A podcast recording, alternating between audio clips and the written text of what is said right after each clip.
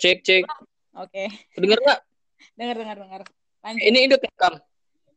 Udah, udah kerekam. Aduh, Nora nih. Oke. Eh, hai teman-teman semua.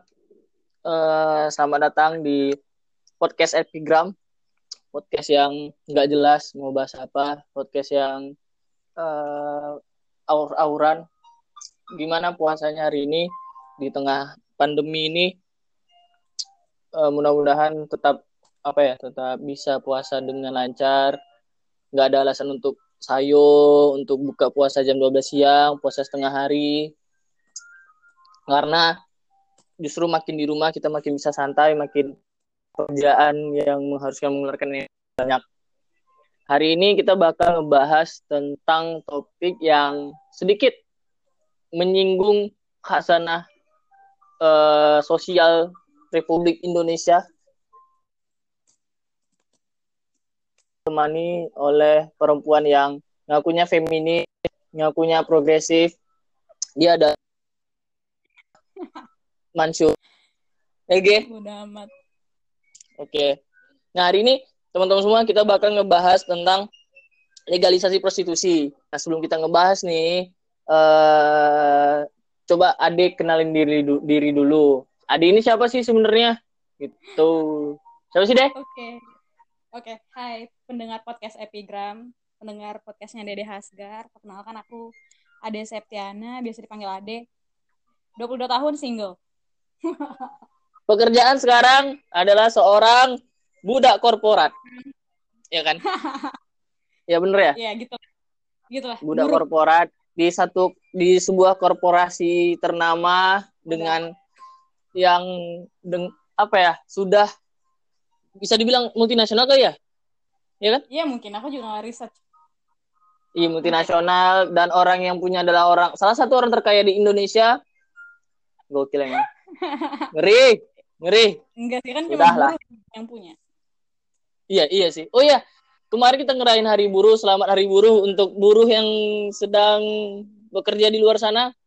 Selamat Hari Buruh untuk Ade. Bagaimana rasanya menjadi seorang buruh dalam tanda kutip? Jadi buruh enak lah, digaji pokoknya. Daripada nggak digaji.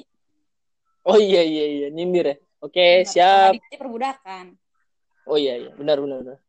Jadi kemarin kita ngerayain Hari Buruh dan eh, mudah-mudahan nasib buruh semuanya makin sejahtera dengan kebijakan-kebijakan yang yang pro terhadap buruh.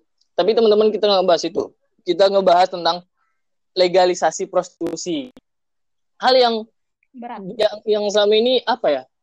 Eh dianggap tabu, dianggap tidak layak untuk dikerjakan atau dibahas deh gitu. Ya nggak deh?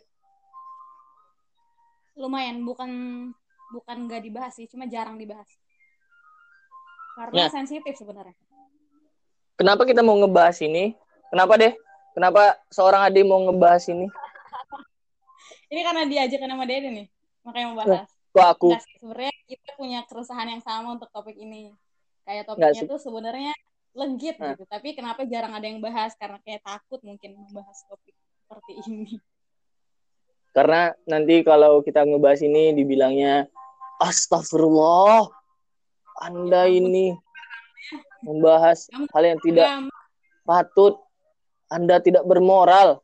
Ya deh, iya nanti ditanya lagi apa agama kamu eh nggak bisa Hmm. jawab gitu aku ngeri. Ngeri. Jadi, Iya. teman-teman semua, ya udahlah di sini kita ngebahas itu bukan untuk ngedirect teman-teman apa ya buat setuju dengan kita atau eh, ikut dengan apa yang kita kita kita, kita kasih eh, opininya tapi lebih ke eh, ngasih perspektif ke teman-teman nih gitu jadi silakan teman-teman semua nanti di akhir memutuskan apakah teman-teman setuju atau tidak. Dengan dengan semua yang akan kita bicarakan dan dengan yang teman-teman tahu juga oke? Oke kita mulai. Oke. Menurutmu prostitusi itu apa? prostitusi itu menurutku pekerjaan yang tertua di muka bumi ya. Udah ada dari zaman dulu. Dari zaman sebelum sekarang. Maksudnya tuh udah dari prakteknya dari zaman nabi udah ada gitu kan. Hmm. cuma gimana ya kayak itu sih praktek eh, penjajahan jasa dari satu orang menaruhkan jasanya kepada orang lain. Aku bilang ini lumayan industri sih karena ada pertama barang yang ditawarin, ada Anjir barang. ada konsumernya, Jas- Jasa, jasa, jasa, jasa. ya.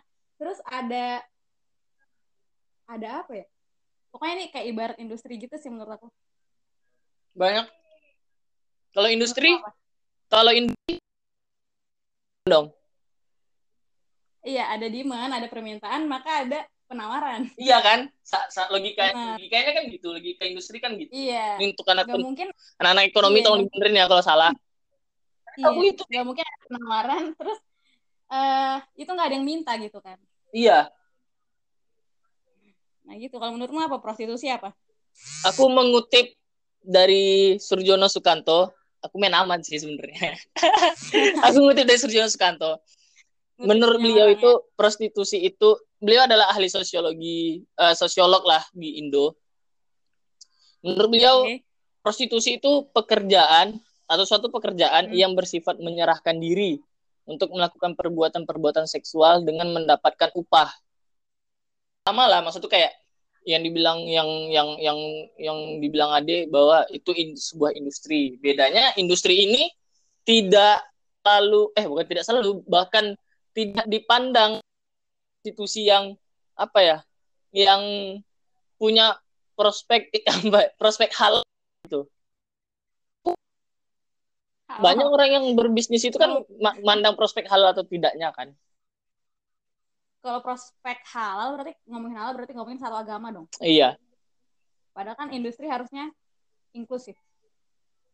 oke berarti Benar begitu? benar benar sih benar sih berarti industri bir itu boleh dong sebenarnya Boleh, tapi karena pasarnya itu bukan cuma ke satu agama, sebenarnya dia nawarin ke banyak orang gitu sama kayak Berarti jasa ini. berarti tidak salah dong industri prostitusi itu Gimana? Salah Iya. gimana coba? Itu kan udah dari dulu. Ya udah sekarang dimulai aja deh. nih. Kita, kita benernya prostitusi itu secara eh, orang yang menjajah misalnya mucikari ya? Mucikari kan ya?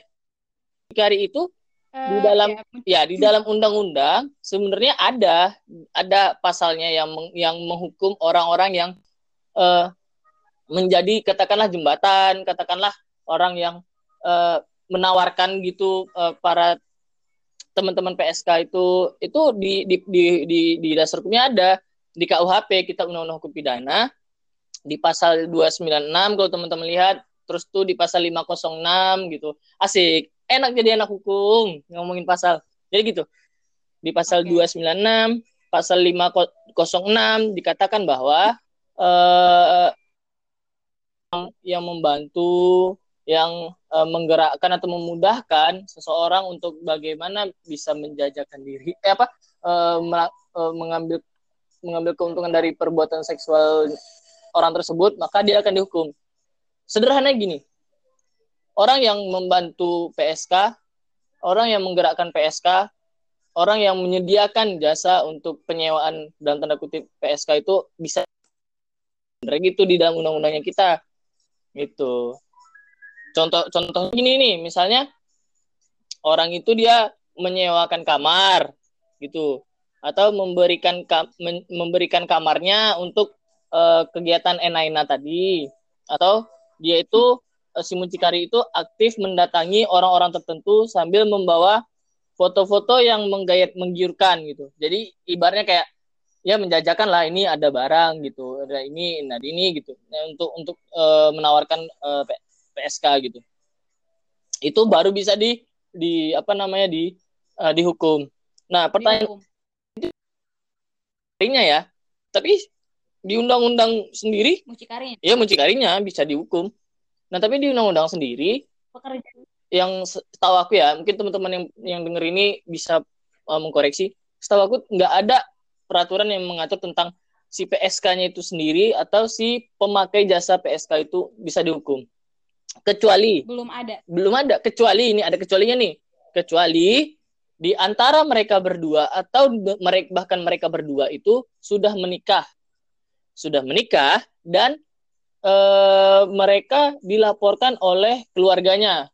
Dalam hal ini berarti pasal yang dikenakan itu pasal zina. Iya, pasal perzinahan. Iya, pasal zina bukan bukan pasal apa namanya? Bukan pasal ini, pasal uh, prostitusi bukan, tapi pasal zina. Itu pasal 284, beda lagi. Nah, itu kalau Karena mereka udah berkeluarga. Iya, itu gitu. kalau udah sudah berkeluarga, baik itu si perempuannya atau si laki-lakinya ataupun si perempuan dan si laki-lakinya. Dan itu dilaporkan oleh keluarganya. Nah, harus dilaporkan. Hmm. Nggak nggak Klik bisa. aduan dulu ya. Iya, di, di oleh Baru. eh, oleh keluarganya gitu. Nah, ja- jatuhnya bukan prostitusi, tapi lebih ke zina. Beda beda beda pasal Oke, dia gitu. Nah, itu sih yang buat masalah di di di di di, di Indonesia menurut, menurutku eh gimana prostitusi ada ya karena itu tadi karena nggak ada pasal yang jelas tentang si si si. PSK-nya itu dan si eh, pengguna jasanya. Menurutmu gimana? Pengguna jasanya. Menurutmu gimana? Iya sih. Menurutku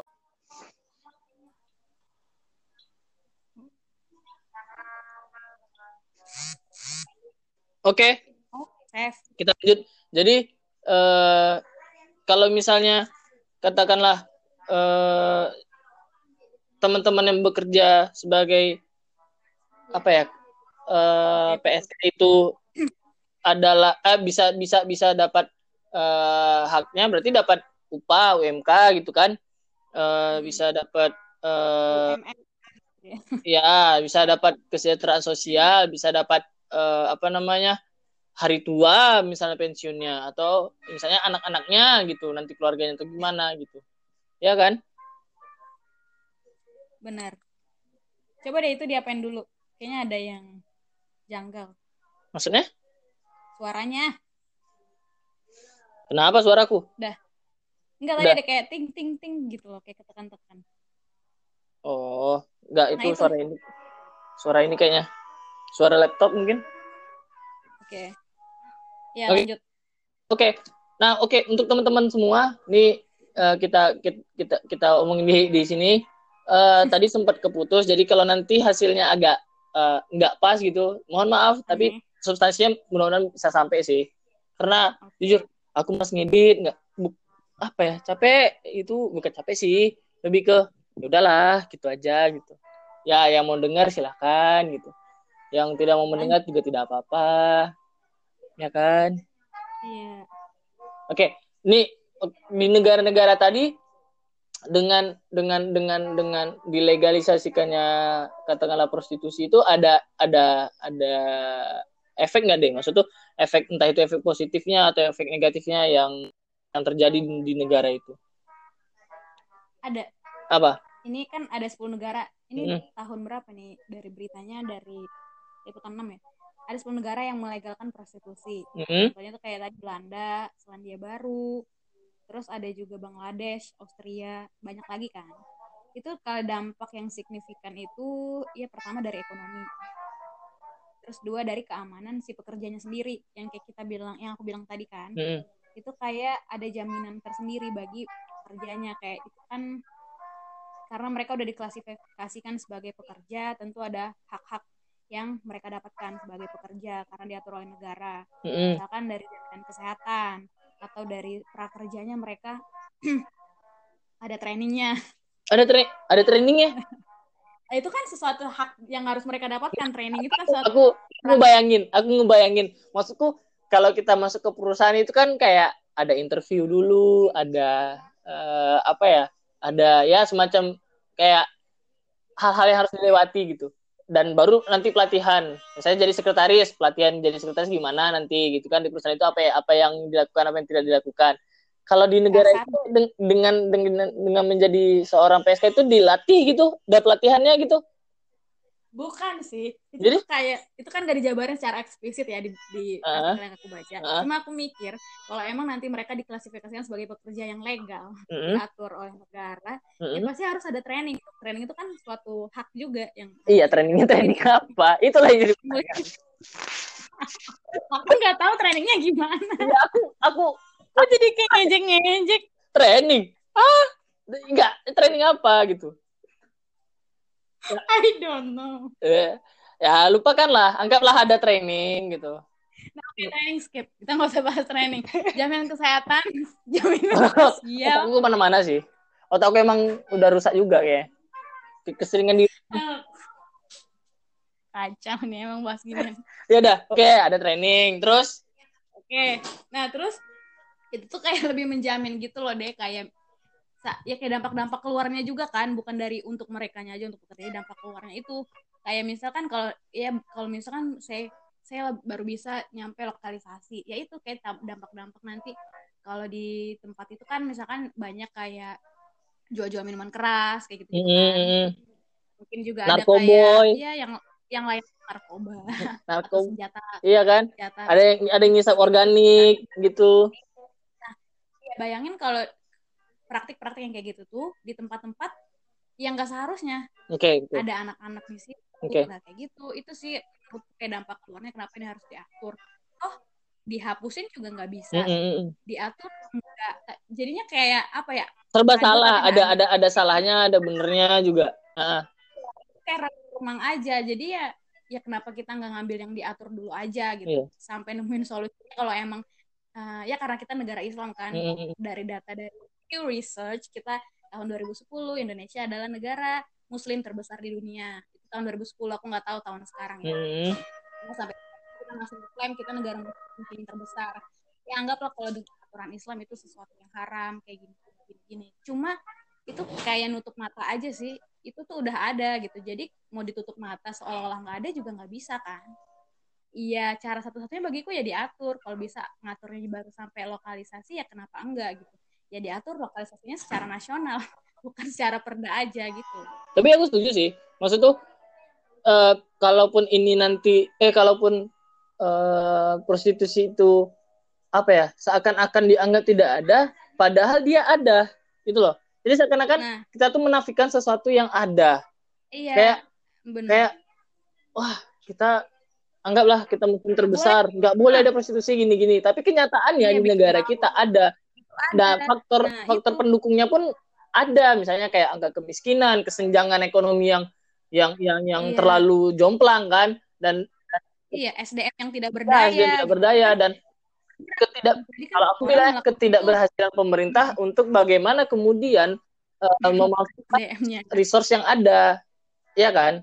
bener Jadi Iya. eh, jadi ya mereka mereka teman-teman yang mungkin berkecimpung di dunia itu kayak seakan nggak punya pilihan lain gitu.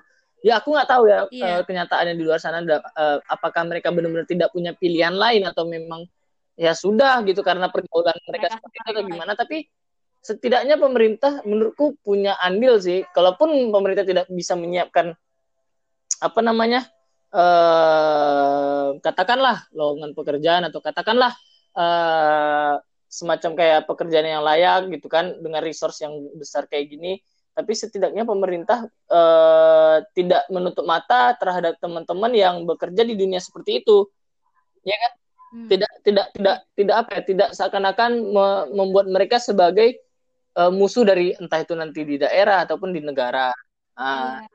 masyarakat dikucilkan. di bagian yang katakanlah misal misal di satu daerah eh, ada tempat A gitu tempat A itu semuanya di situ Eh, eh, kamu boleh ngeganja. Eh kamu boleh ngeganja. Kamu boleh. Kamu boleh.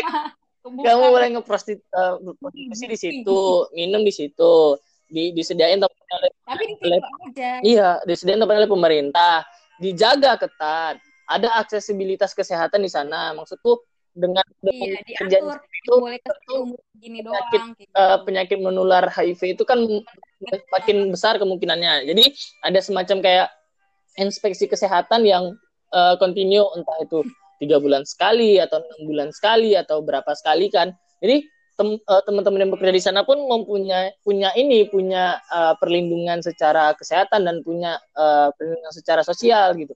Nah kalau misalnya mau prostitusi mau minum atau segala macam ya di sana tempatnya gitu kalau nanti dibuat regulasinya yang boleh masuk di sana yang umur 17 tahun ke atas misalnya atau umur 18 tahun ke atas atau Iya. umur 22 tahun ke atas atau umur berapa dibatasin gitu. Nah ke di luar itu kalau kalau kalau kamu ngebuat eh, hal yang sama entah itu minum prostitusi atau apa langsung diciduk. Karena kasar tuh udah disediain tempat nih gitu. Ya pak saya kan nggak cukup umur ya udah tahan gitu. Iya kan? Ya udah jangan dulu gitu. Jangan kamu perlu dididik lebih ini kayaknya kalau cukup, belum cukup umur iya itu. tapi ada ya tapi gini dan pun dengan, ada, ada ya. tempat seperti itu Ale nggak bisa masuk Ale tangguh ya kan ngikutin panjang iya karena nah itu tadi yang aku bilang karena ya. orang-orang yang bisa di situ karena orang-orang yang katakanlah punya finansial atau katakanlah orang yang siap gitu nggak sembarang orang bisa masuk itu kan ya. jadi lebih mudah untuk yeah. untuk untuk mengontrol per, uh, penyebaran HIV uh, katakanlah seperti itu dan kalau bisa dibilang nanti anak kecil masuk sana ya buat regulasinya. Kalau anak kecil mencoba untuk ke sana ya udah nggak boleh gitu. Apalagi alay alay cabut alay ganggu. Nah itu yang aku bilang kayak training gitu kan. Training itu kan hak yang harus didapatkan oleh pekerja misalkan. Ya kayak gitu. Kayak penyuluhan seks seks seks seks yang ama itu seperti apa. Karena mereka ini berganti-ganti kan pasangannya itu biar enggak nanti menularkan penyakit menular seksual atau gimana kayak gitu. Bukannya kayak uh, amatir aja gitu kan diatur dis, disuluhkan iya. kepada mereka gimana apa ya ya safe safe sex menurutku gitu loh kayak trainingnya. Aku nggak ngerti juga trainingnya gimana cuma kayak penyuluhan safe sex harus. Training aku sumpah ngebayang sih. Apa sih trainingnya? Kayak mikir gila nih kayak mikir-mikir ini kayak mikir personal aja lah. Misalkan ada nih suami suami suami misalnya dia tinggal istrinya meninggal tapi dia belum siap untuk menikah mm -hmm. lagi tapi dia harus nyalurin hasrat seksualnya -hmm. itu. Itu kan mikir agak personal ya aku ya uh, bukan kolektif gitu. Nah daripada kayak daripada dia merkosa anak yang di pinggir jalan orang-orang sembarangan kalau misalkan nih pros praktek prostitusi itu nggak ada lah itu kan jadinya nambahin daftar kriminalitas mm -hmm. kan. Kayak dia merkosa orang dia melecehkan perempuan atau gimana. Nah dia punya modal ya udah itu ada penawaran ada barang atau jasa yang ditawarkan di tempat sewaktu tempat gitu. Dia ke situ. Kan gak semua orang punya ideologi yang kayak oke okay, kita berhubungan seksual dan uh, sama uh, pasangan aja. Oke okay. ada juga orang punya pengaruh kayak aku nggak nikah. Dia tetap harus mengeluarkan hasrat itu gitu kan. Nah, kalau nggak ada yang tempat yang kayak gitu mereka harus ngeluarinnya ke mana? Menurutku sih kayak gitu ya. Karena nggak bisa mm, ngatur perundang-undangan sih mungkin yang lebih tahu ya. Itu cuma uh, berdasarkan uh, nilai-nilai suatu kelompok aja di negara yang benar-benar mayoritasnya tuh beda-beda kan. Nah itu. Kalau kita kayak ngedepanin ya umat muslim aja ya tentu nggak boleh dong. Itu kan dosa besar. Daripada prostitusi yang penting poligami. Kayak gitu kan. jadi satu, salah satu alasan untuk poligami ya? Bisa jadi gitu kalau iya bisa jadi mungkin uh, narasinya yang nggak ada prostitusi ya kita kita melanggengkan poligami kayak gitu. Dua-duanya ini ada loh prostitusi sama poligami. Cuma nggak diatur aja. Menurutku dua-duanya diatur lebih bagus gitu kan. Bener juga misalkan uh, dengan cara prostitusi itu mungkin dilarang atau gimana jadi orang-orang konservatif ya udah poligami adalah jalannya untuk mengurangi gitu ya nggak apa-apa dua-duanya diatur aja. cuma menurutku kayak sekarang nih prostitusi itu kayak dianggap ada nggak ada padahal iya. ada gitu. Kayak dinafikan aja kan sebenarnya. nah, kayak kita tuh terlalu harga diri kita tuh terlalu tinggi ego kita tuh terlalu tinggi sebagai ber, orang berbangsa. malu-malu ini masa negara muslim terbesar di dunia ngatur ada undang-undang tentang prostitusi. Iya. Kenapa dia kenapa nggak boleh gitu? Padahal kan itu sebenarnya juga untuk melindungi orang-orang yang bekerja di tempat itu bekerja di sektor itu menurutku sih. Kalau nggak diatur ya tetap aja bakal ada ada terus tuh kayak perdagangan manusia. Di situ kan rawan di praktek itu kan di ya di sektor itu kan rawan kayak gitu-gitu kan. Kayak itu pekerjanya itu kayak dipaksa sehari mungkin kejar target berapa nggak merhatiin gitu ya. kayak gitu-gitu kan. Iya kalau di sektor-sektor yang formal kan kita diatur jamnya segini segini segini. Kalau nggak ini bakal dikenain nih apanya perusahaannya, korporatnya kayak gitu. Nah itu kayaknya enggak gitu. Terus ada juga yang nggak merhatiin kesehatan. Misalkan perempuan pekerjanya kan bukan cuma perempuan aja, ada laki-laki juga. Perempuan misalkan dia tiba-tiba nyuruh uh, tiba-tiba uh, gagal lah misalkan gitu. Akhirnya dia hamil.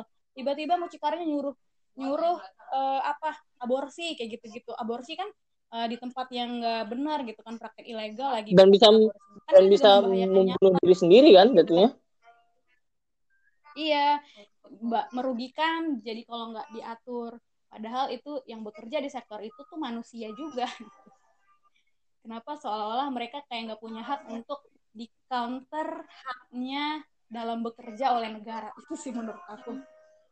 Iya sih tapi Gimana tapi menurutmu? bagiku eh, lagi-lagi eh, kita tuh kita tuh seakan-akan eh, menafikan ada fenomena ini. Kita seakan-akan eh, menutup mata Hmm. kalau fenomena ini tuh cepat lah atau lambat bakal apa ya bakal diomongin juga oleh banyak orang toh sekarang juga diomongin tapi kita tuh seakan-akan menafikan kalau ah ini tuh nggak benar ini iya iya nggak ada yang bilang bahwa seks bebas itu dalam tanda kutip benar gitu mungkin menurut agama tapi ya ya kalau kayak yang aku bilang SDM banyak gitu pemerintah gagal untuk bagaimana eh, meng, meng-provide eh, resource yang banyak ini jadinya ya gitu eh, nggak nggak nggak nggak nggak terpakai tem- eh, mungkin atau mereka nggak punya peluang mungkin atau bagaimana nggak punya akses untuk itu gitu. Eh, jadi mereka eh, mungkin mungkin mungkin ya eh, eh, karena faktor ekonomi dan segala macamnya mereka terpaksa terjun ke dunia itu. Nah mereka terjun di dunia itu pun ya nggak nggak nggak jarang eh, mendapatkan kekerasan gitu ya kan? Entah itu dari mucikarinya Iya. atau dari si eh, pelanggannya gitu. Jadi buatku dengan misalnya nih di misal nih diatur eh, legalisasi prostitusi atau dibuatlah aturan tentang prostitusi ini atau di, di, di, dibuat tempatnya dan dibuat aturannya tentang perlindungan mereka mereka yang bekerja di sektor itu bagiku eh, pemerintah buat aku pribadi itu nggak salah sih. Karena mereka sembari ya sembari sembari pemerintah mencoba untuk membuka, apa ya mem- membuka peluang-peluang kerja lain membuka eh, sektor-sektor yang mungkin bisa eh, mereka kerjakan nantinya gitu atau bagaimana gitu. Itu sih kalau aku. Nggak nggak nggak jangan mendiskreditkan mereka karena pilihan mereka. Karena itu yang aku bilang kita nggak tahu mereka ke sana itu karena karena eh, apa alasannya apa? Eh, kan setiap sesuatu kan ada alasannya entah itu faktor ekonomi faktor eh, kayak misalnya hasrat seksual atau apa pun itu mungkin mereka punya alasannya. Nah apa pun alasan mereka ya Hmm. buat aku sebagai manusia coba mengerti sesama manusia aja gitu. Ah, terlepaslah agamanya apa pun buat aku Hmm. mengerti antar sesama manusia itu penting. Karena nggak nggak mungkin dong kita memaksakan eh, misalnya wah aku benar eh, kau tuh salah pokoknya kau salah aja gitu tanpa kita memikir tanpa kita mempertimbangkan re- reasonnya dia ke, di sana itu apa. Kenapa kamu di sana? Kenapa bisa sampai di sana? Apa yang membuat kamu di sana? Kenapa kamu kok betah di sana? Atau bagaimana? Apakah kamu mau pindah apa segala macam macam gitu. Nggak yang main gusur apa segala macam itu, itu. Tapi dicari akarnya diselesaikan dari akarnya. Menurut aku gitu seharusnya. Bukan bukan berarti aku ya nanti eh, terserah sih. Kalau dibilang liberal sih ah muslim kok bila eh, legalisasi prostitusi bukan itu masalahnya bukan masalah agama tapi lebih ke bagaimana mengerti manusia dan manusia iya mengerti sesama manusia aja ya kan gitu karena Hmm. menja- aku sering bilang gini Nah itu. menjadi manusia itu lebih sulit daripada menjadi seorang profesor. Gitu. Menjadi manusia ya, Hmm. lebih sulit daripada menjadi seorang profesor. Karena Kenapa? kalau misalnya menjadi seorang profesor atau ahli di, di bidang apa, ngerti bidangnya, paham apa segala macam segala macam gitu. Eh menjadi manusia itu sulit. Gitu, sulit. Sulit menjadi manusia karena kita mencoba untuk menjadi diri sendiri dulu. Ngerti terhadap diri sendiri dulu, eh, paham terhadap diri sendiri dulu. Nah, dari situ baru kita belajar untuk bagaimana memahami manusia lain. Nah, memahami manusia lain ini banyak. Kayak misalnya kalau kita bawa ke topik ini, kenapa sih bisa dia di prostitusi? Gitu. Apa sih yang membuat dia di prostitusi? Gitu. Tidak memandang mereka yang bekerja di sektor itu sebagai dalam tanda kutip eh, orang-orang eh, terpinggirkan gitu, orang-orang yang yang yang berdosa gitu atau orang apa gitu. Tanpa kita tahu eh, alasan mereka gitu. Makanya buat aku menjadi manusia itu sulit. Hmm. Karena kita mencoba memahami Karena mereka Punya iya pilihan. menjadi memahami subjek yang apa ya? Yang unik. Manusia itu kan Hmm. Hmm. Iya, kadang kita ngejudge orang lain tanpa tahu dasarnya kenapa mereka akhirnya memilih jalan itu gitu. Kadang-kadang mereka cuma nggak punya pilihan lain gitu kan. Nah, ini masih recording. Deh. Hello. Oke. Okay. Nggak tahu kenapa Dede hilang.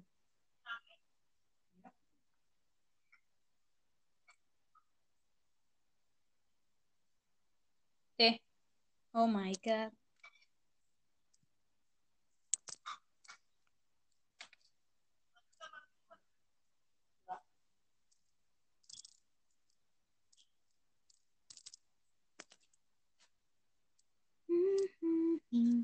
Mati nih HP-nya kayaknya. Oke. Okay. Nah, jadi kita ke kesimpulan aja nih. Sebenarnya legalisasi prostitusi di Indonesia itu perlu atau enggak? Perlu. Karena alasannya Jadi, pertama itu hal mendasar kebutuhan manusia. Ya, seperti yang tadi ada empat atau lima tadi itu. Jabarin lagi semuanya. Enggak, berarti berarti itu ya karena kebutuhan manusia terus supaya mereka punya hak dan lain-lain dan lain-lain. Benar. Supaya lebih teratur aja sih. Hah? Supaya lebih teratur aja. Oke. Okay. Karena kan supaya kita enggak yang selama ini kita lihat nggak teratur tempatnya di mana, yang ditangkepin siapa, kayak gitu. Karena ditangkapnya itu korban. Nah, kadang-kadang ditangkapnya itu korban dari perdagangan manusia, dari eksploitasi si mucikari, kayak gitu kan. Kadang-kadang mereka juga nggak mendapat upah yang layak, tiba-tiba mereka ditangkepin gitu. Karena aturannya nggak jelas. Oke. Okay. Oke. Okay. Terima kasih Ade uh, dan untuk teman-teman semuanya yang ngedengerin ini mudah-mudahan betah dengerin podcast ini. Um, intinya teman-teman semuanya memutuskan apakah prostitusi di Indonesia itu perlu dilegalisasikan atau enggak gitu. Oke, okay, yes. terima kasih semuanya. Uh, semoga ini bermanfaat dan ya bye, adios amigos.